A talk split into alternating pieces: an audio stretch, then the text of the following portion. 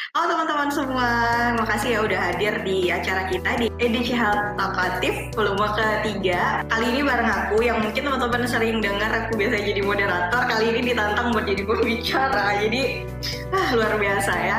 Nah untuk tema hari ini kita bakal bahas yang sesuai judul yang kemarin yaitu memaksimalkan copywriting untuk bisnis dan promosi kamu. You are hearing ID Cloud House Podcast. Jadi hari ini aku kenalan dulu tadi ya udah kenalan dikit aja. Jadi di Edicode Host aku posisinya adalah sebagai konten strategis atau copywriter. Nah ini kenalannya ya. Jadi salam kenal buat teman-teman semua. Nah untuk mungkin tanya-tanya kenapa sih kakak sih yang jadi ngisi gitu. Nah di kali ini aku ngisi karena punya sedikit ya, belum banyak experience di menulis. Karena aku pribadi juga suka nulis dan pengalamannya dulu pernah di media juga sempat sekitar tiga tahun sambilan kuliah kerja di media juga terus di situ juga yang bikin melatih untuk lebih banyak mungkin interview, belajar untuk menulis yang lebih rapi dan juga mengenal beberapa kosakata yang mungkin formal dan informal seperti itulah. Nah itu yang mungkin makin lama kok makin seneng ya gitu. Akhirnya waktu menjelang lagi liburan tuh menuju kuliah, aku akhirnya fokus ya udah deh ngambil ilmu komunikasi. Jadi aku juga base-nya adalah satu komunikasi dan mengambil spesialisasinya di bagian public relation atau space marketing. Jadi cocok juga ya. Jadi di menulis ada juga ada sisi marketing. Makanya nanti kita akan bahas sih hubungannya apa. Terus sambilan juga sambil copywriting gitu kan di jadi host juga aku um, nulis-nulis di blogger nulis-nulis di blog aku sendiri jadi teman-teman bisa baca tapi mungkin nggak promosi di sini nanti aja kita lanjut aja langsung ke materi kita hari ini oke.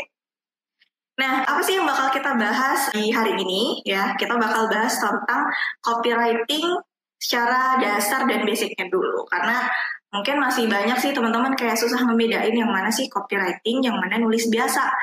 Nah, kayak aku di sini pengen dasar dulu deh, mungkin teman-teman yang masih belum nge apakah copywriting dengan content writing, apakah sama dengan content marketing, digital marketing. Ya, tadi juga sempat kita aku baca-baca juga sih pertanyaan teman-teman yang masuk melalui daftar pendaftaran juga ada yang nanya. Jadi malah bertanya soal digital marketing, apakah sama? Nah, ini bakal kita bahas. Jadi ada poin-poin yang teman-teman mungkin bisa baca di slide-nya ada apa sih masalah-masalah yang sering terjadi di bisnis kemudian yang berhubungan dengan copywriting. Kemudian ada studi-studi kasus yang mengenai copywriting. Kemudian kak aku pengen dong jadi copywriter. Gimana ya caranya? Gitu. Jadi kalau copywriter itu adalah sebutan bagi seorang yang melakukan atau profesi yang melakukan copywriting gitu ya. Jadi kalau misalnya orang-orang nih yang sering kerjain copywriting itu disebut dengan copywriter profesinya seperti itu Nah, apa sih tugas copywriter? Nah, itu kita bahas dan apa sih tips triknya Kak, biar copywriter aku viral seperti itu, copywriting aku viral gitu. Itu bakal kita bahas hari ini ya. Oke, okay. standby mungkin catatannya. nah, kita dulu mungkin base-nya dulu. Apa sih itu copywriting? Jadi copywriting itu bisa disering disebut dengan seni untuk menjual melalui tulisan. Jadi teman-teman harus bisa bedain gitu.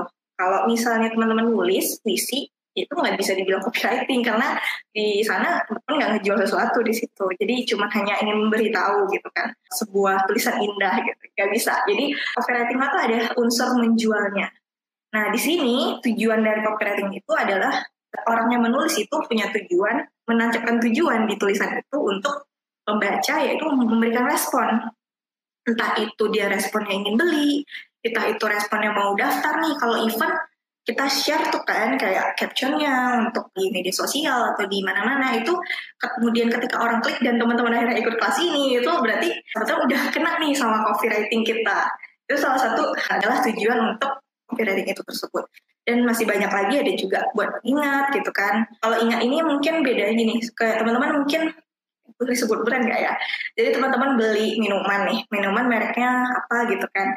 Tapi uh, ingatnya teman aqua ingat ya cuman teman-teman belinya nggak aqua gitu. Berarti kan campaign aku berhasil nih tapi teman-teman nggak beli itu gitu. Berarti kan nggak harus ya. Jadi tujuan copywritingnya juga nggak harus harus beli juga sih sebenarnya gitu. Bisa aja supaya brandnya diingat gitu. Bisa juga seperti itu. Dan masih banyak tujuan-tujuan lainnya untuk bisnis. Nah kenapa sih copywriting itu penting untuk bisnis? Nah, kalau misalnya orang tahunya, eh iya, uh, copywriting itu seni menjual, kalau secara basic sebenarnya adalah memberikan informasi dan solusi. Karena produk itu adalah solusi. Jadi ketika teman-teman membeli benda sesuatu, ketika teman-teman menulis tulisan copywriting itu, teman-teman itu yang sebagai misalnya teman-teman memosisikan diri sebagai copywriter, teman-teman harus tahu nih masalah apa yang pengen dipecahkan kalau si pembeli konsumen kita tadi membeli produknya kita. Nah, makanya tujuan dari bisnis yang pertama menurut aku adalah memberikan informasi dan solusi. Solusi yang ya ketika nanti membaca copywriting tadi dan konsumen kita itu akhirnya membeli, mereka merasa bahwa aku tepat nih membeli ini, aku memang membutuhkan produk ini, seperti itu. Yang kedua adalah biar konsumen mengenal brand tersebut gitu. Gimana sih kalau misalnya kita nggak bikin copywriting, misalnya kita bikin bisnis nih, kemudian kita nggak bikin keterangannya gitu kan, kayak sebuah nama aja gitu tapi kita nggak nggak menjelaskan bisnis kita tuh apa gitu. Hmm, produknya apa kita nggak jelasin nggak ada tagline-nya kemudian nggak ada deskripsi detailnya atau dan segala macam bagaimana konsumen akhirnya mengenal bisnis kita? Tahunya cuman ya udah logo nggak sampai berapa hari pasti juga lupa gitu. Nah dengan adanya copywriting brand itu sendiri akan lebih kuat gitu. Jadi oh ternyata produk tadi misalnya produk diet gitu. Atau eh di sendiri deh.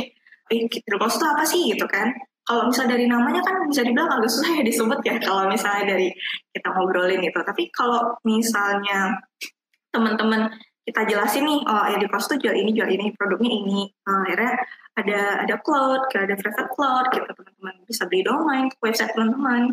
Terus ada produk apa aja, kemudian kita kasih pengetahuan soal server dan segala macam. Akhirnya, oh teman-teman tahu ada ini adalah web hosting provider nih yang buat teman-teman yang punya website atau teman-teman blogger bisa pakai gitu kan untuk website dan blog teman-teman gitu. Ya gitu jadi ngebangun brand itu sendiri. Nah yang pasti yang ketiga adalah meningkatkan konversi dan penjualan. Konversi itu bisa juga dalam bentuk orang akhirnya tahu dengan nilai mungkin di Facebook Ads. Nah kita mungkin di luar itu kita bahas ya nanti teman-teman pasang Facebook Ads Instagram Ads. Nah konversinya tinggi dengan adanya copywriting yang tepat gitu kan viral orang bilang Kemudian penjualan pastinya naik juga karena akhirnya orang klik nih beli sekarang ya beli akhirnya mereka tergerak untuk membeli atau melakukan share, melakukan like seperti itu. Jadi kenapa penting? Harus penting. Teman-teman harus belajar tentang copywriting. Baik kita lanjut. Nah tadi ada yang nanya ya, kak apa sih kak content writing dan copywriting apakah sama? Nah ini kita teman-teman harus bedain antara dua hal ini. Nah, kalau content writing adalah penulisan yang untuk memasarkan brand. Jadi yang mana fokusnya itu bukan menjual, tapi lebih kepada mengenalkan dan lebih detail dan itu membangun nilai brand itu sendiri secara utuh. Maksudnya kayak membangun kepercayaan, kayak trustednya gitu lah ya gitu. Hmm, trustnya, kemudian loyalitas dari customernya juga. Kemudian yang mana ending akhirnya adalah brand awareness dan konversi. Jadi kayak content writing itu adalah mendukung dari copywriting itu sendiri. Nah, misalnya kayak blog, artikel, karena itu kan butuh banyak panjang gitu ya. Biasanya dominasinya tuh tulisannya lebih panjang. Terus juga nggak mungkin kan menghafal tulisan yang panjang gitu. Makanya itu disebut dengan content writing. Mana ada postingan sosial media juga itu adalah konten gitu kan. Mana ada email dan ebook dan podcast dan segala macam. Sedangkan copywriting itu melibatkan tulisan yang isinya konten yang menarik perhatian. Jadi kayak ada attentionnya gitu. Misalnya nanti kita akan ada kasih contoh-contoh misalnya kalau kita nih kita jualan apa ya kita sekarang lagi ada promo PPS gitu 30% gimana sih supaya akhirnya orang beli gitu kan mau websitenya lebih cepat ya pakai PPS dong kayak gitu jadi sifatnya lebih menjual dan akhirnya kita memberikan perintah secara tidak langsung untuk akhirnya konsumen akhirnya membeli produk tersebut gitu ya Nah, kecepatan kayaknya. Kita lambatin aja. Nah contoh-contohnya apa? Ada iklan, kemudian yang teman-teman lihat di banner gitu ya. Terus ada iklan yang ada di media sosial, kemudian ada mungkin di Google Ads-nya, teman-teman mungkin lihat iklan-iklan yang ada di YouTube juga yang muncul gitu kan. Terus ada email email campaign yang mungkin email promo, browser dan segala macam. Nah, kalau aku pribadi ya, walaupun sedetail kayak gini banget, aku pribadi ngebadain content writing dengan copywriting semudah adalah content writing itu lebih kepada informasi-informasi yang sifatnya lebih detail dan dan punya tulisan yang bisa dibilang lebih panjang yang nggak mungkin kita hafal. Sedangkan copywriting itu tulisan itu lebih pendek, cepat, mudah diingat dan menarik gitu. Jadi kayak eh kita tuh jadi ingat gitu kepikiran gitu kan oh jadinya oh itu tuh kampanyenya brand ini loh ini kampanyenya brand ini berarti itu copywriting gitu aja kalau content writing tuh susah banget sih kita ingat gitu jarang banget sih Kemudian, nah ini dia yang aku bilang contohnya. Jadi kalau content writing itu seperti ini. Ada e-book nih misalnya. Kemudian, nah kalau kita juga di Erical House tuh bikin blog ya. Kita selalu update satu hari itu ada berapa artikel yang bisa teman-teman baca di blognya Erical House. Kemudian juga ada kayak podcast juga. Dan itu banyak brand yang juga menggunakan itu. Nah, sedangkan copywriting, nah ini aku kasih contohnya Tokopedia sama Traveloka Nah ini kayak ada kejar diskon, ada waktu Indonesia belanja dan Traveloka kemudian. Nah itu adalah bentuk copywriting. Nah aku bilang tadi lebih lebih pendek, kemudian lebih mudah diingat dan akhirnya selalu di, di selalu digaung-gaungkan di mana-mana gitu. Seperti itu. Jadi kebayangkan ya kalau ada bedanya content writing dengan copywriting. Oke. Okay. Nah, apa sih syarat-syaratnya menjadi copywriter? Syarat-syaratnya gampang nggak susah nggak ya gitu. Sebenarnya balik ke teman-teman mau belajar apa enggak. Mungkin aku karena base-nya adalah suka nulis, itu mempermudah mempermudah untuk akhirnya mengenal lebih mudah untuk belajar copywriting karena ada juga sih yang kayaknya belum belum tahu menulis dan segala macam akhirnya mulai dari nol gitu tapi dengan kita misalnya sering baca kemudian belajar siapa pun bisa apalagi suka dengan dunia digital ya misalnya dunia sosial media misalnya atau yang hal yang terbaru sekarang. Kayaknya anak-anak sekarang udah kreatif-kreatif juga ya. Milenial dia kalau bilang, bilang seperti itu. Nah apa aja sih skill-skillnya? Pertama adalah penguasaan bahasa Nah, penguasaan bahasa ini penting karena aku pribadi pun masih sampai sekarang pun belajar mulai tatanan bahasa yang benar seperti apa, terus Eh, perubahan kata seperti apa, masih sering juga melakukan kesalahan. Tapi balik ke kita sih, apakah kita mau berubah, mengevaluasi diri untuk bahasa. Makanya bagi teman-teman, boleh sih menggunakan bahasa slang, tapi mungkin ada batasannya. Untuk copywriting kita perlu memperhatikan beberapa bahasa yang jangan sampai nanti bahasanya bakal menimbulkan banyak makna atau ambigu. Nah, kayak teman-teman harus mulai di awal adalah belajar bahasa lebih baik gitu ya. Yang mana yang sambung atau yang mana yang dipisah seperti itu. Kemudian adalah memahami anatomi iklan, skenario atau online. Jadi copywriting itu banyak banget bentuknya. Nanti kita jelasin apa-apa itu bentuknya. Nah, teman-teman harus tahu nih anatominya apa, karena punya step by stepnya ada headline, kemudian ada leads, kemudian ada CTA, ya, call to action. Nah, nanti kita akan bahas. Jadi kita harus paham dulu susunannya. Jangan sampai nanti urutannya malah di atas gitu ya. Jangan sampai kayak gitu, maka kena malah malah aneh jadinya. Kemudian adalah jiwa menjual, itu penting. Kadang-kadang kan kita tuh ah gimana sih kak aku mau jadi copywriter aja jualin barangnya aja malu sama temen aku jadi kalau jadi copywriter tuh udah bebasin deh yang kayak gitu pokoknya mulai belajar untuk pede buat punya menjual gitu ya menjual pun aku pribadi juga nggak pinter-pinter banget sih kalau jualan sama teman tapi tenang aja gitu ketika menemukan kata-kata yang akhirnya seperti pantun dan unik gitu ya itu menjadi sesuatu yang menagih gitu buat kita kita kulik-kulik Kemudian kreatif. Ya memang benar sih, kreatif itu penting banget. Karena kita sekarang eranya di mana orang dengan mudah mempromosikan apa pun di semua channel gitu kan. Di, ada sosial media, ada web, kemudian ada kita juga bisa jadi streamer ya di YouTube kayak mungkin sekarang gitu kan. Kita langsung live aja gitu gratis gitu kan. Apa pun bisa. Jadi jiwa kreatif itu harus timbul gitu.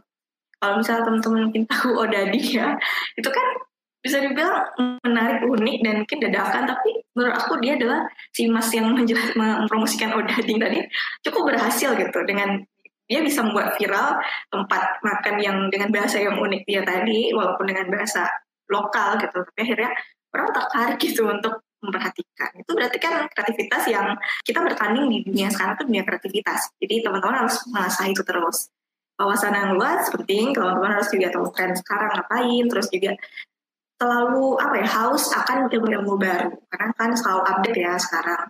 Kemudian punya empati. Nah itu penting sih sebagai copywriter. Karena banyak kita mungkin berpikir copywriter itu ya udah mengikuti kita jualan. Tapi jangan sampai menurut aku ya aku punya prinsip jangan sampai akhirnya copywriting itu malah membuat akhirnya bumerang bagi si copywriternya karena ada banyak kasus yang aku tahu bahwa karena tidak tahu ada orang yang tersinggung dengan tulisan tersebut. Maksudnya ketika dia bikin satu campaign, dan dia mungkin nggak nelisik gitu apakah konsumen ataupun target marketnya itu memahami apa yang disampaikan akhirnya yang terjadi adalah pergesekan gitu akhirnya orang-orang yang dia sasar adalah tersinggung atas apa yang dia sampaikan dalam iklannya tadi gitu kan. Makanya butuh banget empati bahwa ketika kita bikin copywriting kita juga harus memposisikan diri kita sebagai orang yang membaca gitu. Apakah kalau misalnya saya di sisi itu tersinggung nggak ya dengan kata-kata itu? Kadang ada pengen viral, kemudian ada pengen tulisannya terkait dibaca orang banyak, kemudian mungkin pengen nggak keluar kos yang banyak, jadi pengen buat kontroversial, tapi akhirnya bikin brand itu malah jatuh gitu atau malah bikin ganti rugi gitu karena ada yang menuntut di tempat lain seperti itu. Tapi sekarang udah ada undang-undang ITE ya gitu kan. Kita mesti hati-hati banget. Oke, nah ini dia yang perlu kita perhatikan. apa sih tugas-tugas copywriting? Apa copywriter? Apakah cuma nulis aja? Masa sih? Gitu. Nggak ya, copywriter itu sangat banyak yang harus dilakukan pertama pasti menciptakan ide. Jadi adalah copywriter itulah yang akhirnya membuat ide-ide bagaimana campaign yang terbaru, kemudian ide-ide untuk brand tadi akhirnya dikenal konsumen, dan mungkin hal-hal menarik yang akhirnya dibuat untuk bagaimana caranya orang makin paham dan mengenal dengan brand itu. Ya, menciptakan ide. Jadi bukan copywriter hanya bukan, oh, produk, tinggal bikin gitu. Enggak, dia juga terlibat untuk menciptakan ide yang baik untuk akhirnya disampaikan ke konsumen. Kemudian menyesuaikan visual. Walaupun tugasnya copywriter itu dominasinya adalah menulis ataupun juga membuat konsep, tapi visual juga penting. Jadi setidaknya si copywriter itu juga paham gitu, kayak basic dari visual yang baik seperti apa, ataukah kalau misalnya dalam ads itu ada berapa kata sih perlunya, apakah sepanjang-panjangnya gitu. Pasti ada batas kalimat dan kata berapa kata yang diperlukan. Nah itu copywriter tuh harus tahu gitu visual yang baik di mana sih di mata gitu. Nanti aku juga pernah lihat tuh iklan, dia bikin iklan tentang mungkin biodatanya mungkin untuk kampanye sebuah politik lah ya sebenarnya. Aku pernah lihat ada sebuah spanduk mengenai ya dia kampanye politik untuk dirinya mencalonkan diri, tapi dia lupa kalau menaruhnya di banner yang bisa dibilang gede, tapi tulisannya itu dia bikin CV gitu ya, dia bikin CV sepanjang panjangnya gitu di situ. Kira-kira ada orang yang baca nggak ya gitu kan? Gak mungkin kan kalau misalnya secara logika kita berhenti, kita baca sepanjang-panjang itu kan nggak mungkin karena orang-orang yang melihat di jalan itu adalah orang-orang yang perlu ke, dengan kecepatan tinggi itu melewati jalan gitu kan untuk melihat banner itu berarti kan hal yang dibutuhkan adalah banner yang cukup punya font yang besar kemudian dengan punya kata-kata yang mudah diingat dan akhirnya sampai ke konsumen itu. Makanya kita harus tahu nih posisinya channelnya di mana, terus juga distribusi ini seperti apa, visual yang cocok seperti apa. Nah kita harus tahu. Makanya kenapa copywriter juga ikut andil tuh dalam menyesuaikan visual yang baik dan akan diterima oleh sasarannya tadi, konsumennya tadi. Kalau adalah setelah menciptakan ide, dia juga terlibat di mengembangkan ide itu idenya dikembangkan misalnya ada satu konten mungkin produk A gitu ya. Kalau kita produk PVS ya karena kita di di cloud host produk PVS ini mau dikembangkan di berbagai channel. Ada uh, channel Facebook channelnya Google kemudian ada channel ini. Nah bagaimana sih implementasinya supaya akhirnya uh, di berbagai channel ini punya target yang sesuai dengan maksud yang sesuai gitu. Misalnya yang ini gunanya untuk UKM. Ada juga yang mungkin untuk para UKM, ada juga yang untuk sekolah, mungkin ada di dunia pendidikan, mungkin ada di sisi kesehatan dan segala macam. Jadi balik lagi, dia juga bertugas untuk mengembangkan kata-katanya tadi itu bisa digunakan di berbagai channel atau mungkin dia punya inovasi di berbagai channel itu dengan dengan inti yang sama tapi tetap nggak berubah maksudnya gitu gitu. Kemudian menentukan jingle ya. Jadi teman-teman yang terlihat kayak kita bahas apa ya? Kita ada jingle-jingle. Cuman kalau misalnya ada lagi ngumpul sama teman tiba-tiba ada ting tong gitu kan bunyi apa gitu teman-teman udah tahu itu pakai aplikasi ini gitu kan. Nah itu salah satu copywriter yang punya ini gitu, yang punya ikut andil juga dalam menentukan jingle yang tepat agar akhirnya orang tahu nih orang ini pakai ini. Akhirnya kan tertarik tuh aku mau, mau download juga gitu. Kemudian talent audio. Makanya kalau teman-teman tahu talent audio, teman-teman pasti tahu ya kalau ada orang-orang yang oh kalau misalnya ini orang yang pakai suara ini ini Garuda nih gitu kan kalau pesawat ya kalau yang ini nih suara Citylink, terakhirnya tuh ada pantun kayak gitu. Berarti kan udah ada ciri khas. Nah itu juga adalah bagian copywriter untuk menentukan hal-hal seperti itu. Kemudian terakhir adalah melakukan riset. Nah yang belum kemarin tuh ada cerita campaign juga kalau di Ericos itu kita penting untuk melakukan riset untuk copywriter karena kalau nggak riset ya mau gimana dong tahu apa sih yang sedang lagi viral di media sosial apa sih yang konsumen kita tuh seneng gitu kan saat ini gitu. Kita harus relate dan harus tahu gitu. Makanya kita harus tahu up to date-nya seperti apa, target marketnya seperti apa, kemudian informasi apa sih yang pengen disampaikan seperti itu. Oke, okay. kita lanjut ke contoh-contohnya. Uh, contoh-contohnya apa aja? Nah ini salah satu contoh yang bisa teman-teman lihat. Ya aku bilang menyesuaikan visual seperti contoh yang aku bilang tadi. Website ngebut pakai BVS. Jadi kalau teman-teman lihat, yang salah satu implementasi copywriting yakni mempromosikan BVS yang saat ini. Nah, kenapa sih pakai kata-kata website ngebut pakai BVS? Karena message yang ingin saya sampaikan di sini adalah promosi kepada pelanggan yang udah pakai hosting, bagaimana dia akhirnya mau untuk migrasi ke BVS. Kenapa? Karena kalau misalnya mereka berubah, mereka akan merasakan kecepatan dan juga keleluasaan untuk menggunakan ketimbang memakai hosting seperti itu. Oke lanjut. Jadi ini salah satu contoh menyesuaikan visual dari tugasnya si copywriter. Kemudian, nah ini kalau kita ambil brand yang lain ya, um, ini salah satu yang menarik juga dari visual untuk copywriting, yakni campaign tentang a without Whopper. Jadi di sini kalau kita lihat itu ada McDonald's, ada Burger King, dan mereka salaman gitu ya. Itu kan kontroversi banget ya. Tapi dia bikin di sini adalah maksudnya dia hanya bikin tagline-nya singkat banget, cuma a day without Ubers. Tapi di sini dia masih tahu bahwa di sini dia bilang kalau visual ini ingin menyampaikan kalau dia itu bekerja sama, maksudnya tidak walaupun dia punya brand, maksudnya punya brand berbeda, terus produknya tetap tetap burger, tapi tetap bareng gitu ya, tetap bareng gitu. Jadi si Burger King ini ingin bilang kalau kita tuh udah walaupun kita nggak jual Uber tuh eh, kita udah ngasih ke Burger King eh, ke ngasih ke McD, McD udah ngejualnya sekian gitu kan. Sedangkan dia nggak ngejual Uber gitu ya gitu. Jadi Mas yang ingin menyampaikan pesan kebersamaan, tapi tetap kontroversi yang pastinya ya, karena kan ini brand lain yang disebut gitu. Tapi tetap pengen nyampain suatu empati yang menyentuh bahwa kita walaupun kejualan ya kita tetap tetap cari duit gitu dengan berjualan burger kayak gitu. Itu sih. Oke. Okay. Nah, itu tadi yang aku bilang tadi kalau menentukan jingle ya, menentukan jingle. Nah, ini inget kan brandnya? Pasti kalau teman-teman ngumpul sama teman terus kayak lagi transaksi atau mungkin lagi duduk tiba-tiba ada bunyi ting ting gitu kan. Atau bunyi eh gitu kan. Pasti teman-teman udah inget banget nih di kepala oh ini warna bunyinya kayak gini bunyinya kayak gini bunyinya kayak gini. Ya oke okay deh. Tinggal mungkin teman-teman coba kulik-kulik lagi apa benar ya. Nah itu salah satu juga copywriter dipanggil dalam menentukan jingle dari brand untuk diingat. Nah ini dia tadi aku bilang konversi. Bagaimana sih caranya bikin copywriting kamu menghasilkan konversi?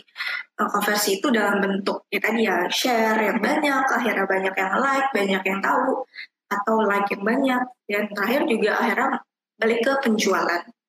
Nah yang pertama adalah riset, riset, dan riset pastinya.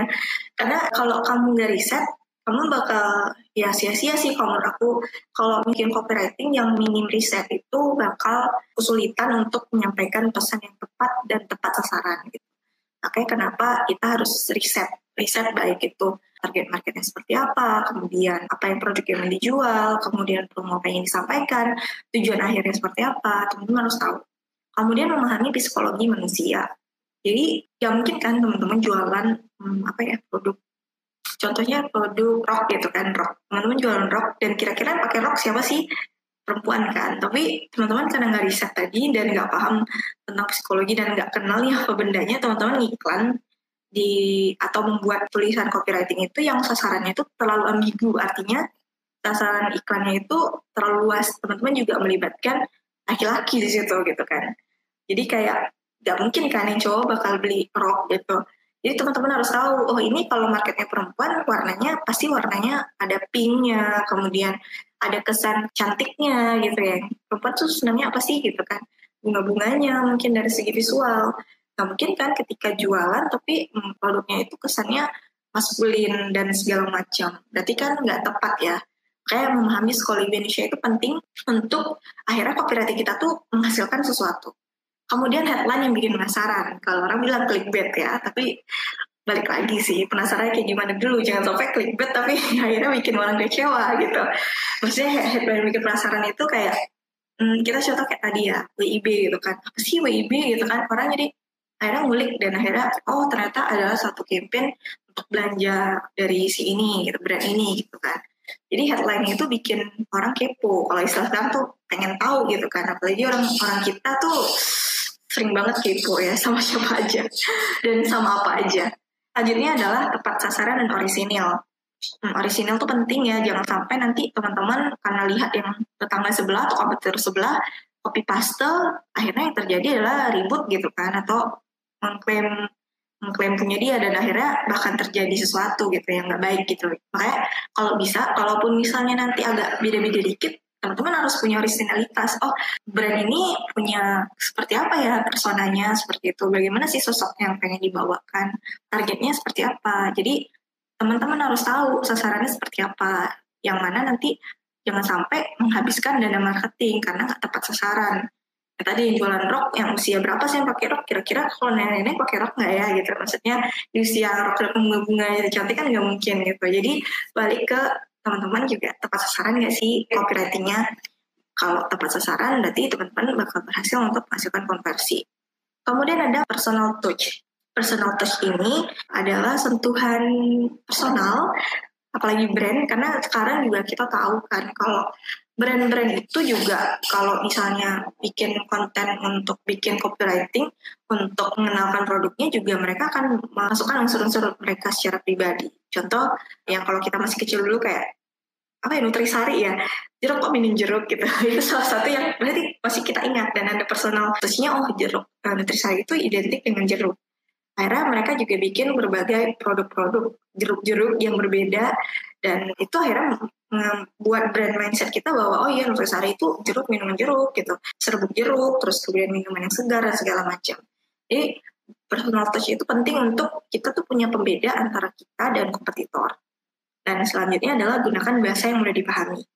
Nah itu penting. Kalau misalnya kita jualan produk yang untuk orang Indonesia ya udah pakai bahasa Indonesia. Jangan kamu pakai bahasa Thailand atau bahasa yang ya, mungkin bisa dimengerti di sekelompok orang. Kecuali teman-teman yang memang sasarannya adalah per daerah. Teman-teman bisa pakai bahasa daerah karena memang marketnya adalah daerah gitu.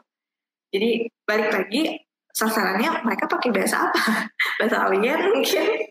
ya mungkin bahasa Indonesia ya udah kita pakai bahasa Indonesia seperti itu. Uh, kita balik ke bagaimana sih kalau tadi kan udah dibahas tuh uh, gimana sih menghasilkan konversi. Nah tapi kan harus riset tuh nomor satu. Gimana ya kak cara bikin riset itu? Nah teman-teman catat dulu. Yang pertama tujuan copywritingnya seperti apa? Kalau misalnya di Facebook Ads teman-teman bisa ada setnya ada awareness, kemudian ada apa ya lupa. Uh, yang terakhir ada konversi juga, terus juga ada brandingnya atau misalnya kliknya gitu.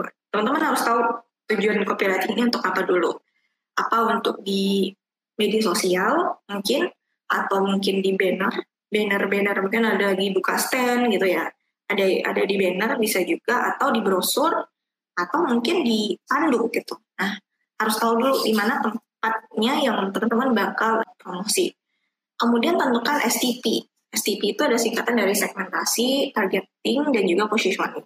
Segmentasi itu teman-teman yang mana yang pengen teman-teman ambil gitu. Misalnya dari segi usia, usia berapa, misalnya usia umur belasan gitu anak kecil. Bisa jadi yang kayak brand-brand anak-anak kayak makanan anak-anak ciki-ciki dan segala macam. Atau kalau teman-teman jual makanan ya itu kalau misalnya jualan pakaian dan segala macam pasti ada usia rentang usianya berapa.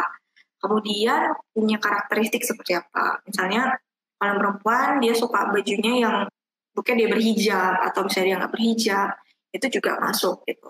Terus juga habis itu dari segi gaya hidupnya kayak gimana. Kalau gaya hidup nih balik ke mungkin penghasilan.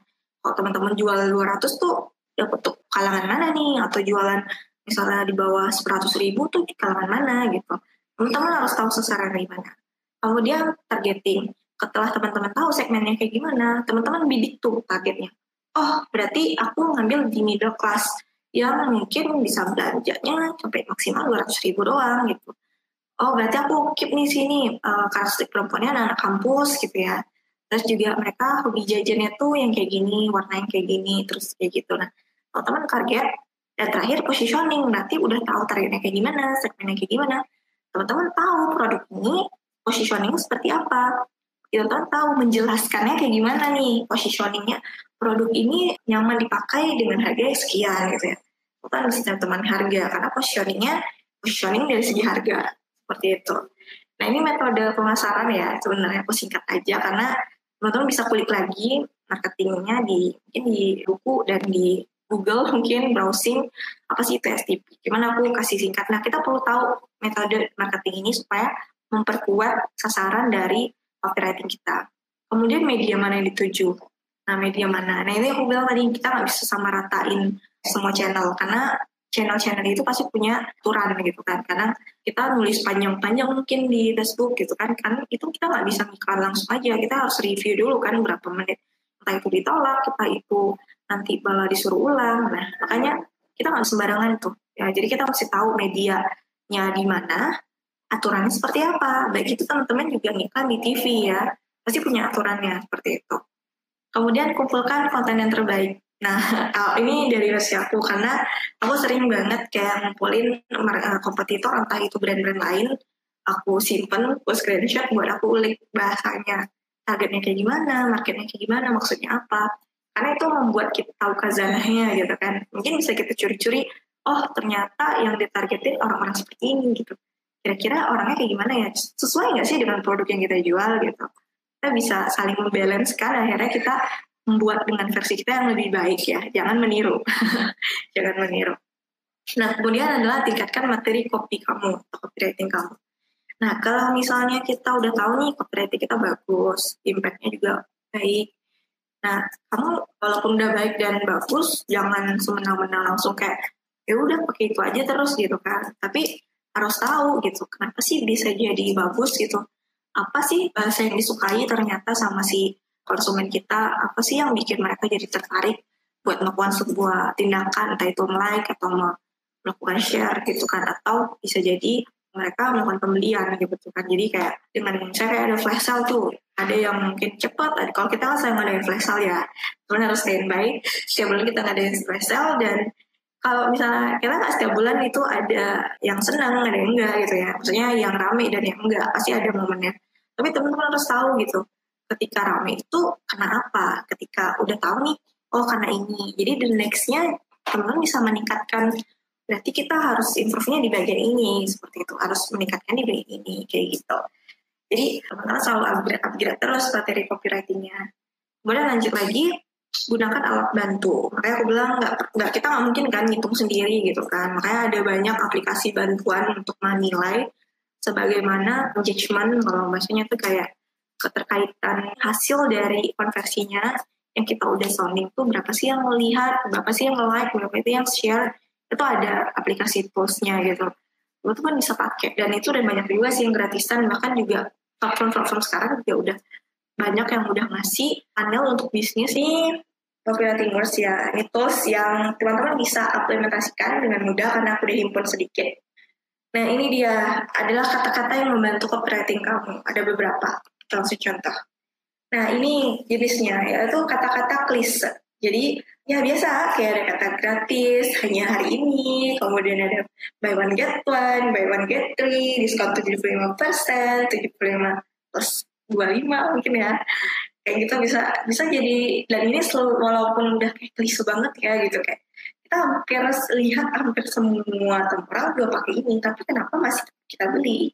Karena memang udah jadi apa ya salah satu udah menjadi aturan dan dari copywriting sendiri. Balik ke teman-teman mengkomunikasikannya lebih kreatif mungkin dari segi visual dari kata-kata yang yang menjadi bantuannya itu gitu kan jadi kata gratisnya mungkin bisa di bawah tapi kita bikin implementasi di atasnya lebih baik gitu tapi itu udah menjadi pattern sih yang bisa teman-teman pakai pakai kata gratis baru dan sekarang dan masih banyak lagi yang berkaitan dengan itu Kemudian kata-kata aksi ya. Jadi kalau ini contoh yang di Cloudhost, memicu audiens melakukan sesuatu. Kalau aku di sini contohnya ya ini ya kita di promosi tentang private cloud ingin punya private cloud sendiri gitu. Karena private cloud ini nggak sembarangan bisa semua orang punya gitu ya.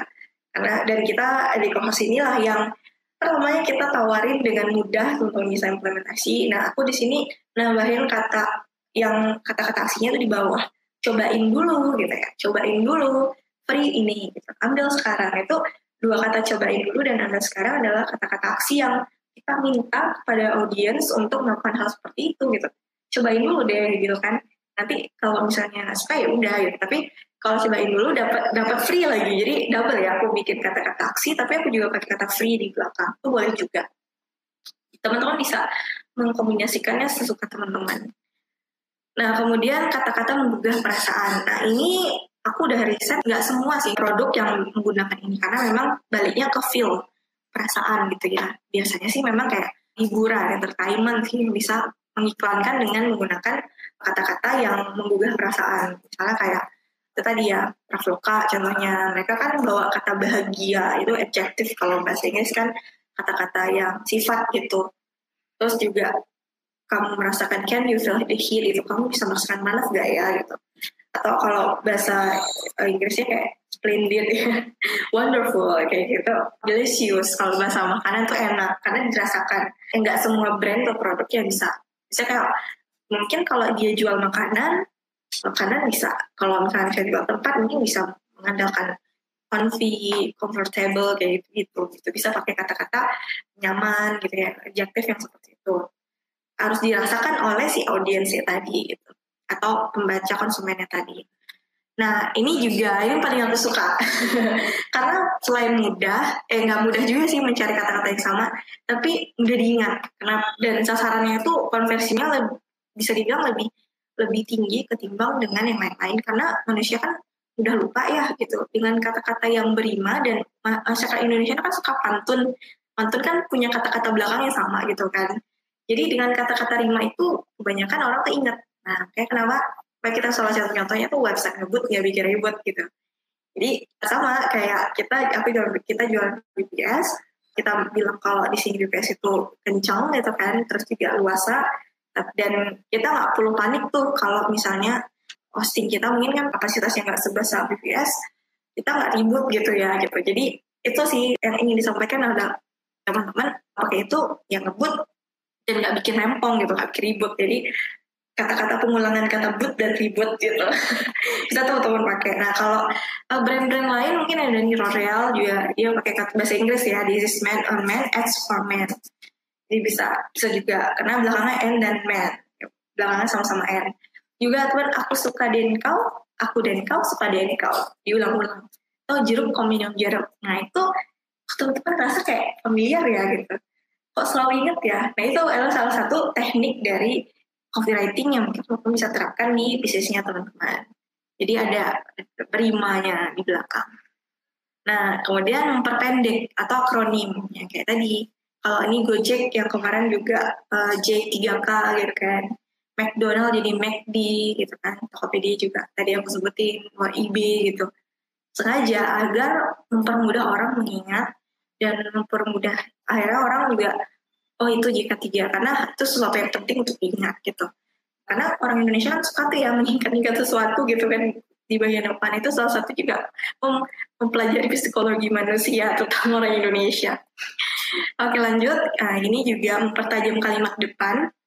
Kita bisa juga, tapi aku sih jarang pakainya karena agak agak sulit. Kalau bahasa Inggris mungkin lebih mudah ya. Kalau bahasa Indonesia itu hmm, nggak hmm, jarang ketemu. Saya kayak open cook, open happiness. Biasanya dipakai untuk kata-kata yang berkaitan dengan promosi campaign. Kalau kita sering pakai tuh di campaign-campaign sosial untuk program-program medical host. Nah, itu kita bisa pakai juga dengan tata bahasa kayak gini. Kayak hmm, kalau misalnya kamu beli ini kamu bikin kebaikan kayak gitu. Kata-kata itu juga bisa dipakai. Jadi ada belahan kata mempertegas kalimat setelahnya atau sebelumnya juga. Oke kemudian uh, pengulangan. Jadi kalau di sini salah satunya matchbook ya. Matchbook iklan ada more power, more performance, more pro. Dia pakai kata pengulangan huruf M di, Tadi kayak mempertajam bahwa ini bagus loh gitu. Karena ini karena ini karena ini. Ya bah atau bisa pakai juga mungkin lebih baik lebih indah dan lebih enak. Bisa juga kayak gitu untuk makanan. Oke kita mungkin untuk praktik ya saya jawab aja. Nah ini unsur-unsur copywriting.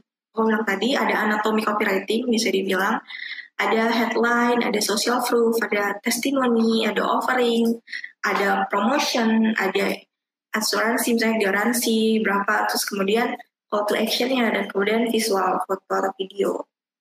Jadi copywriting yang baik adalah memenuhi syarat-syarat seperti ini. Nah, teman-teman harus memenuhi ini gitu ya. Kayak kita, aku tadi contoh ya, website ngebut, nggak bikin ribut. Kita problem yang ingin diimplementasikan adalah kebanyakan orang-orang pengguna server hosting itu mungkin suka kerepongan gitu soal kapasitas. Kayak kita problemnya situ, kapasitas di situ. Terus merasa kayak nggak nggak leluasa. Makanya kita kasih social proof-nya gitu ya. Social proof bisa boleh dipakai boleh enggak, tapi solusi kita kasih solusinya. Makanya kita jual VPS gitu kan, jual VPS. Nah, bisa juga teman-teman pasti testimoni di situ, review orang-orang juga bisa. Kemudian apa sih tawaran yang pengen disampaikan, solusinya apa, teman-teman bisa masukin di situ.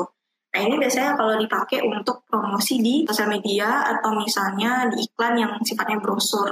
Karena kalau brosur itu biasanya menuntut lebih lengkap.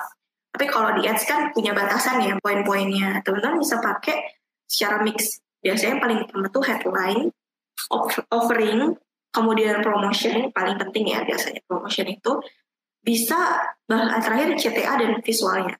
Nah kalau untuk social proof dan testimoni itu balik ke bisa teman-teman mix boleh pakai boleh enggak. Kalau misalnya pakai yang social proof apa-apa, tapi testimoninya nggak pakai gitu karena keterbatasan kata gitu ya. Tapi yang paling penting ada headline sih. Headline itu yang paling penting sama offeringnya. Lanjut, nah ini aku bilang bedah ya. Oke, okay. yang pertama itu tadi yang bilang ada teks, kemudian ada image-nya apa, gambarnya, kemudian headline-nya apa, kita bisa lihat. Terus juga ada CTA-nya, belanja sekarang, kalau saya shop now gitu.